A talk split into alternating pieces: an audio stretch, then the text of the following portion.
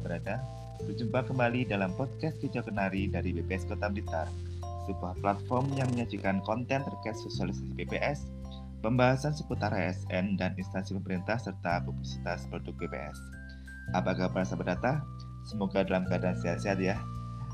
Dalam podcast kali ini, kita akan mengangkat tema tentang statistik sektoral dan peran BPS dalam statistik sektoral tersebut. Spesial dalam podcast kali ini, karena kita akan mengulasnya bersama Kepala BPS Kota Blitar yaitu Bapak Bambang Indarto SSI MSI. Di tengah kesibukan beliau masih menyempatkan waktu untuk berbincang bersama sahabat data. Sebelumnya kita sapa dulu nggih. Apa kabar Pak Bambang? Semoga dalam keadaan sehat nggih. Ya, alhamdulillah sehat. Iya, alhamdulillah. Baik. Podcast kali ini masih bersama saya Hendra Eka. E, langsung aja kita mulai nih Pak. Tentunya di sini sahabat data sudah mulai familiar dengan statistik sektoral bisa dijelaskan Pak mulai dari latar belakang atau regulasi terkait statistik sektoral tersebut? Monggo Pak. Ya, sahabat data sekalian, setiap kegiatan di instansi pemerintah selalu ada dasar regulasi hingga pedoman kegiatan. Terkait statistik sektoral, regulasinya tertuang pada Undang-Undang Nomor 16 Tahun 1997 tentang statistik, Peraturan Pemerintah nomor 51 tahun 1999 tentang penyelenggaraan statistik, keputusan Kepala BPS nomor 5, nomor 6, nomor 7, nomor 8 tahun 2000 dan peraturan BPS nomor 4 tahun 2019. Sedangkan pada tataran pemerintah daerah, regulasinya pada Undang-Undang nomor 23 tahun 2014 tentang mengatur bahwa statistik merupakan salah satu urusan pemerintahan wajib yang tidak berkaitan dengan pelayanan dasar.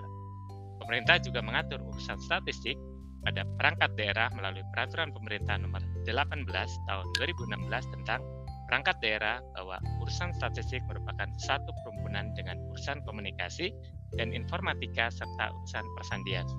Tentunya yang sangat terkait juga adalah Peraturan Presiden nomor 39 tahun 2019 tentang Satu Data Indonesia, Keputusan Kepala BPS nomor 5 tahun 2000 tentang Sistem Statistik Nasional, Ternyata cukup banyak regulasi terkait statistik sektoral ya Pak. Nah, sahabat data, dari dasar regulasi yang telah dibuat, masih penasaran kan apa maksud dari statistik sektoral tersebut? Mungkin bisa lebih dijelaskan lagi Pak Bambang? Ya, yang dimaksud statistik dalam Undang-Undang Statistik adalah data yang diperoleh dengan cara pengumpulan, pengolahan, penyajian, dan analisis, serta sebagai sistem yang mengatur keterkaitan antar unsur dalam penyelenggaraan statistik. Pada pasal 5 disebutkan Berdasarkan tujuan pemanfaatannya, jenis statistik terdiri atas statistik dasar, statistik sektoral, dan statistik khusus. Nah, karena kali ini kita membahas statistik sektoral, maka pengertian dari statistik sektoral adalah statistik yang pemanfaatannya ditujukan untuk memenuhi kebutuhan instansi tertentu dalam rangka penyelenggaraan tugas-tugas pemerintahan dan pembangunan yang merupakan tugas pokok instansi yang bersangkutan. Jadi penyelenggara kegiatan statistik sektoral adalah kementerian, lembaga, instansi, dinas sesuai lingkup tugas dan fungsinya. Oh begitu ya Pak. Tentunya di sini sahabat data sudah mulai bertanya-tanya. Nah mungkin untuk lebih mempermudah pemahaman tentang statistik sektoral, bisa disebutkan contoh dari statistik sektoral itu Pak. Ya baik, e, gini sahabat data. Untuk mengetahui contoh-contoh yang termasuk statistik sektoral, sahabat data bisa lihat pada buku publikasi Kota Blitar dalam angka yang terbaru yang sudah dirilis di website BPS Kota Blitar yang dapat diakses di laman blitarkota.bps.go.id. Nah, contohnya nih, jumlah pegawai negeri sipil di Kota Blitar menurut jabatan dan jenis kelamin. Contoh juga jumlah rukun warga atau RW menurut kecamatan di Kota Blitar. Nah, keduanya merupakan hasil kompilasi dari Badan Kepegawaian Kota Blitar dan bagian pemerintahan Setda Kota Blitar dan seterusnya. Jadi, setiap data yang dikeluarkan bukan dari BPS itu termasuk statistik sektoral. Oh iya, begini Pak. Kadang kita menemukan ada kegiatan kompilasi maupun pengumpulan data statistik itu yang dilakukan oleh instansi di luar BPS. Nah, untuk hal tersebut, apakah ada pedoman tata laksana penyelenggara statistiknya, nih, Pak? Ya, tentunya ada, Mas Hendra dan sahabat data. Jadi, dalam upaya memenuhi asas keterpaduan, keakuratan, dan kemutahiran data, dalam kegiatan statistik perlu diatur mekanisme penyelenggaraan statistik. Nah, ketentuan ini diatur dalam PP nomor 51 tahun 1999 tentang penyelenggaraan statistik. Adapun penjabaran tata laksananya dituangkan dalam keputusan Kepala BPS dan peraturan BPS yang tadi saya sebutkan di awal. Oh gitu Pak. Nah, mungkin bisa dijelaskan lagi Pak tentang regulasi yang sudah ada tersebut Pak, biarlah sahabat data lebih memahami itu Pak. Ya, baik Mas Hendra. Jadi pengaturan penyelenggaraan statistik dimaksudkan untuk menjamin kepastian hukum penyelenggaraan statistik, menjamin kepentingan pengguna statistik, menghindari keduplikasi kegiatan statistik yang dilakukan oleh berbagai pihak, serta melakukan koordinasi dan kerjasama serta melaksanakan pembinaan statistik, baik di tingkat pemerintah pusat maupun pemerintah daerah. Hal ini dimaksudkan untuk meningkatkan kontribusi dan apresiasi masyarakat terhadap statistik, dan mengembangkan sistem statistik nasional dan mendukung pembangunan nasional. Nah, semoga sahabat data, sahabat data sudah mulai paham ya, karena selain sudah adanya regulasi, ternyata sudah ada contoh-contoh dari statistik sektoral. Oh iya, tadi kan Bapak menyebutkan adanya pengaturan penyelenggaraan statistik dan penjabaran pada regulasi yang disusun BPS. Berarti ada peran BPS dong ya Pak. E, mungkin bisa dijelaskan lagi Pak tentang peran BPS yang dimaksud itu seperti apa? Ya, saya akan mulai dari apa sih BPS, lembaga apa sih BPS itu? Jadi BPS adalah Badan Pusat Statistik, yaitu sebuah lembaga pemerintahan non kementerian yang langsung bertanggung jawab langsung kepada Presiden. Berdasarkan Undang-Undang Statistik, peranan yang harus dijalankan BPS meliputi satu, menyediakan kebutuhan data bagi pemerintah dan masyarakat.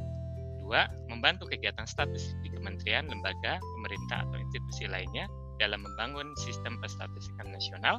Tiga, mengembangkan dan mempromosikan standar teknik dan metodologi statistik dan menyediakan pelayanan pada bidang pendidikan dan pelatihan statistik, serta membangun kerjasama dengan institusi internasional dan negara lain untuk kepentingan perkembangan statistik Indonesia.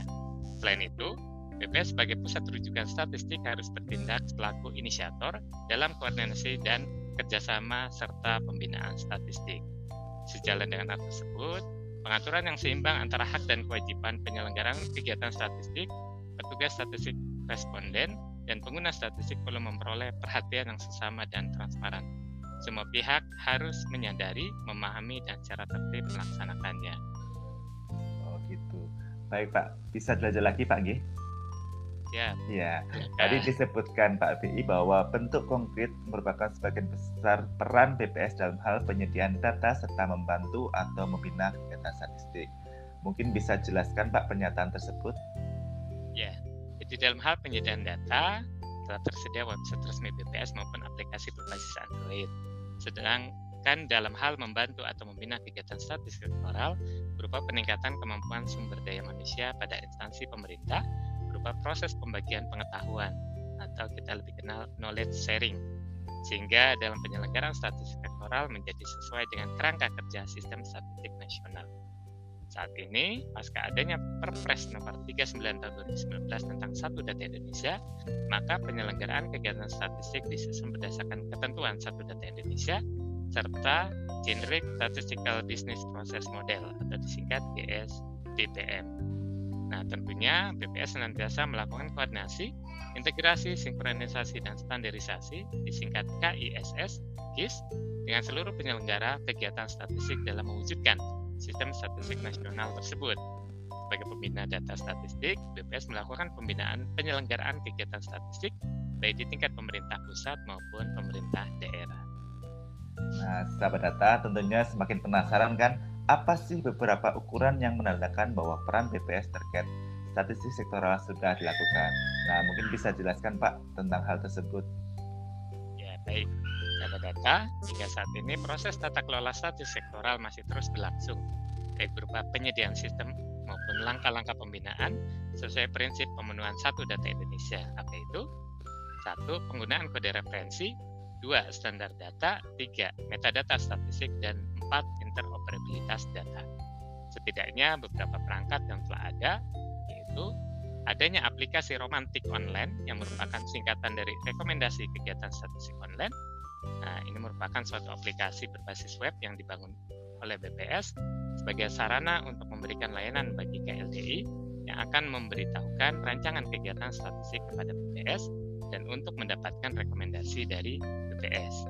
Mulai tahun 2021, ada dua program yang terkait peran BPS, yaitu Desa atau Kelurahan Cinta Statistik pada lingkup desa atau kelurahan, dan Pojok Statistik yang merupakan sinergi antara BPS dan perguruan tinggi dalam upaya memasyarakatkan literasi statistik dan pemanfaatan data statistik. Oleh karena itu, mari kita bersama-sama mewujudkan pencapaian menuju satu data Indonesia melalui kepatuhan akan penyelenggaraan kegiatan statistik sesuai perundang-undangan yang berlaku dalam kerangka besar terwujudnya sistem statistik nasional. Dengan demikian, kemanfaatan data statistik yang dihasilkan akan semakin meluas dan dirasakan oleh banyak pihak. Ya, baik Pak. E, mungkin ini pertanyaan terakhir Pak. Mungkin ada kesimpulan yang ingin disampaikan Pak bagi sahabat data dan seluruh pendengar lain-lainnya. Ya, baik. Jadi, data yang dihasilkan dari penyelenggaraan statistik sangat diperlukan untuk perencanaan, pelaksanaan, evaluasi, dan pengendalian pembangunan. Sehingga data statistik yang dihasilkan oleh seluruh pengampu kegiatan statistik harus akurat, mutakhir, terpadu, dan dapat dipertanggungjawabkan, serta mudah diakses dan dibagi pakaikan antar instansi pusat dan instansi pemerintah daerah. Demikian, semoga bermanfaat. Ya, demikian sahabat data, cukup banyak ulasan yang kita peroleh terkait statistik sektoral dan peran BPS. Sekali lagi kami ucapkan terima kasih atas kesediaan Pak Bambang yang telah meluangkan waktu untuk dapat berbincang bersama kita. Tentunya masih terdapat hal-hal yang belum terjelaskan secara detail. Semoga di konten podcast selanjutnya akan kita lengkapi kembali. Terima kasih atas perhatian sahabat data. Tetap jaga kesehatan dan patuhi protokol kesehatan. Terima kasih dan wassalamualaikum warahmatullahi wabarakatuh.